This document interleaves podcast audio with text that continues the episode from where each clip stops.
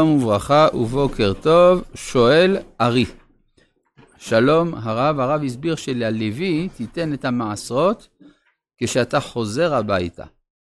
אנחנו יודעים שהיו נותנים את המעשרות בעלייה לרגל. אם כך, למה הלוי לא שם? הוא לא עלה לרגל? למה הוא נשאר בשעריך? תודה רבה לרב ולכל הצוות. טוב, יש מספר הערות. א', לא אמרתי אף פעם שנותנים ללוי כשחוזרים הביתה. דבר נוסף, זה שנותנים את המעשרות בעלייה לרגל, זה היה בימי בית שני, לא בבית ראשון. דבר נוסף, אה, למ, האם הוא לא עלה לרגל? ודאי שהוא עלה לרגל. אה, תודה רבה לרב ולכל הצוות. שואל אבי, שלום הרב, הרב הסביר שנותנים לאביון מותרות רק כשיש כסף בקופה. מה קורה כשמדובר באדם פרטי שתורם ישירות או לקופה? עד כמה חייב לחסוך מעצמו בשביל לתרום, ובפרט למותרות, ומותרות שאין לו עצמו? תודה רבה. מה שאדם פרטי רוצה לתרום, אז יש הלכות של כמה אדם תורם, עד, כמה אדם רשאי גם להפריש מממונו, עד חומש, ולא יותר מזה, אלא אם כן הוא עשיר מאוד, ואז אפשר יותר מחומש. וכל אלה הם דינים פרטיים. ברור שהאדם לא צריך לדאוג למותרות של הזולת לפני שהוא דואג לצרכים הבסיסיים שלו עצמו. אבל יכול להיות גם שהמותרות עבור אותו מקבל אינן מותרות, כיוון שזה מה שחסר לו, מה שאין כן התורם שלא חסר לו. אנחנו ממשיכים בפרק ט"ו של ספר דברים, פסוק י"ט בפרשת ראה. כל הבכור אשר ייוולד בבקרך ובצונך הזכר תקדיש לשם אלוהיך, לא תעבוד בבכור שוריך ולא תגוז בכור צונך. מה עושה פה פרשת הקדשת הבכור? מה שזה, זה בעצם מין מבוא להלכות שתבואנה בענייני המועדים. כי המועד הראשון הוא מועד חג הפסח.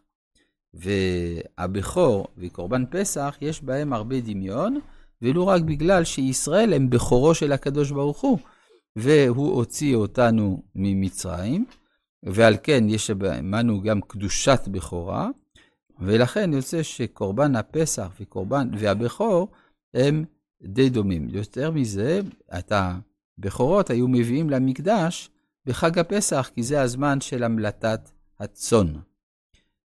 אז כל הבכור שייוולד בבקרך ובצונך הזכר, תקדיש לשם אלוהיך, ואז צריך לאכול אותו בקדושה.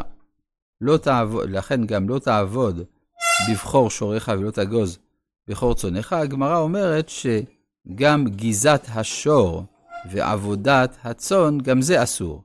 אז למה התורה אמרה עבודה בשור וגיזה בצאן? כי זה כי דיבר הכתוב בהווה. בדרך כלל אדם לא רותם את המחרשה שלו לצאן, וגם לא לוקח את הגיזה מן השור.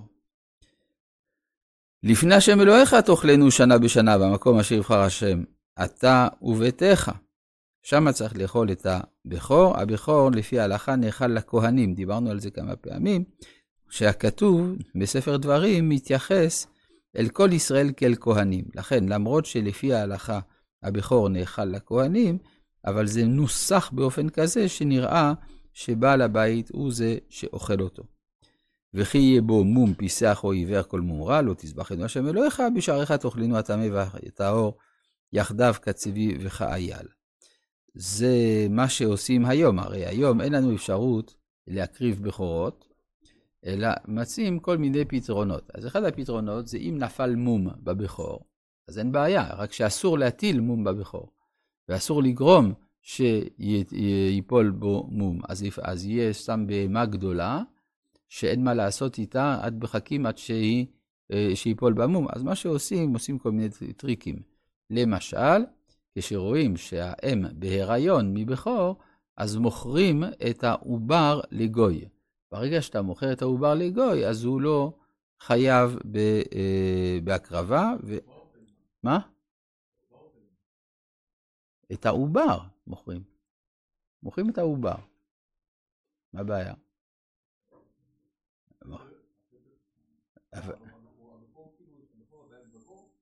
לא, מצד שהוא בכורך, שהוא שלך. ואז כיוון שהוא שלך, אתה צריך, אה, אתה צריך להקדיש אותו.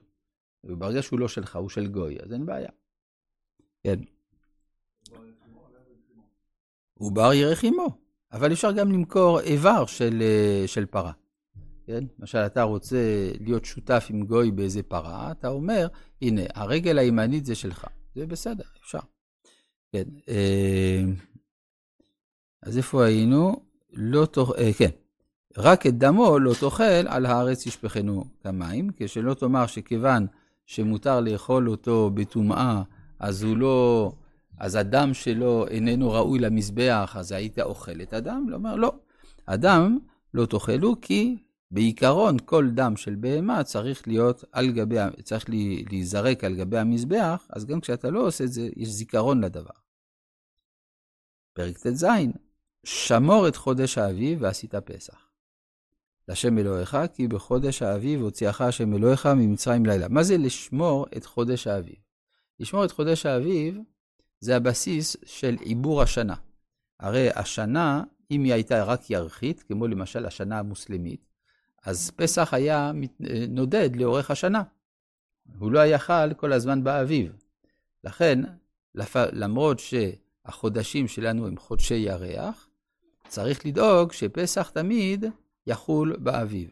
שמור את חודש האביב ועשית פסח. זה הבסיס של חודש העיבור שאנחנו מוסיפים, כדי אה, להדביק את הפער בין השנה הירחית לשנה השמשית. אבל למה זה כזה חשוב? למה זה, אז הוא אומר, כי בחודש האביב הוציא אחר שם מלוכה ממצרים לילה. אז מה?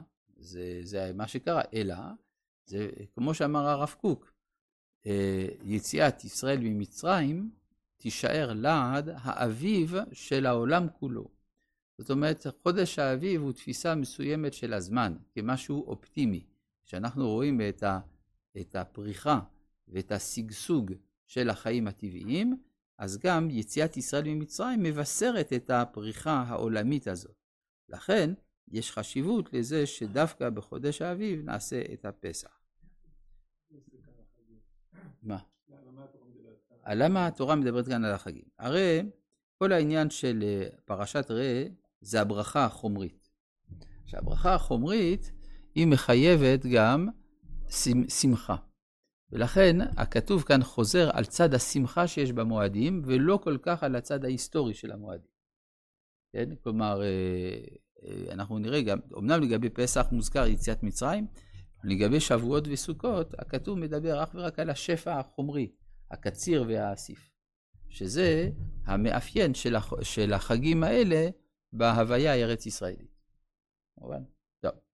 אז אה, אה, וזבחת, אה, כי בחודש האביב, הוציאך השם אלוהיך ממצרים לילה. טוב, יש פה איזה בעיה, שואלת הגמרא במסכת ברכות, וכי בלילה יצאו, והלא לא יצאו אלא ביום, שנאמר, מחרת הפסח יצאו בני ישראל. אפשר אמנם לומר שמה זה מחרת הפסח? זה אחרי חצות לילה, זה כבר מחרת הפסח. לפי המחלוקת תנאים, הרי האם הפסח נאכל עד חצות, או נאכל כל הלילה. אם נאמר, כמאן דאמר, שהפסח נאכל עד חצות, אז יוצא שמחרת הפסח זה בלילה. ואז יוצא שהם יצאו בלילה. אלא מה? נאמר, ואתם לא תצאו איש מפתח ביתו עד בוקר. אבל כשיש פיקוח נפש, אתה כן. אז יכול להיות שהם התכוננו לא לצאת מפתח הבית עד בוקר, ושזרקו אותם בלילה. זו אפשרות אחת ליישב. אבל הגמרא הולכת בכיוון אחר, היא אומרת שהתחילה גאולה בלילה. מה זאת אומרת התחילה גאולה בלילה? ברגע שפרעה קם באמצע הלילה ואמר, קומו, צאו מתוך עמי, ברגע הזה שוחררנו. אז זה נקרא שיצאנו ממצרים, למרות שפיזית נשארנו במקום. והגאולה השלמה ביום. מזה אנחנו מבינים שבכל גאולה יש שני, שני תהליכים, יש תהליך התחלתי, אפשר לקרוא לו התחלתא דגאולה, ויש הגאולה ממש כשאתה יוצא.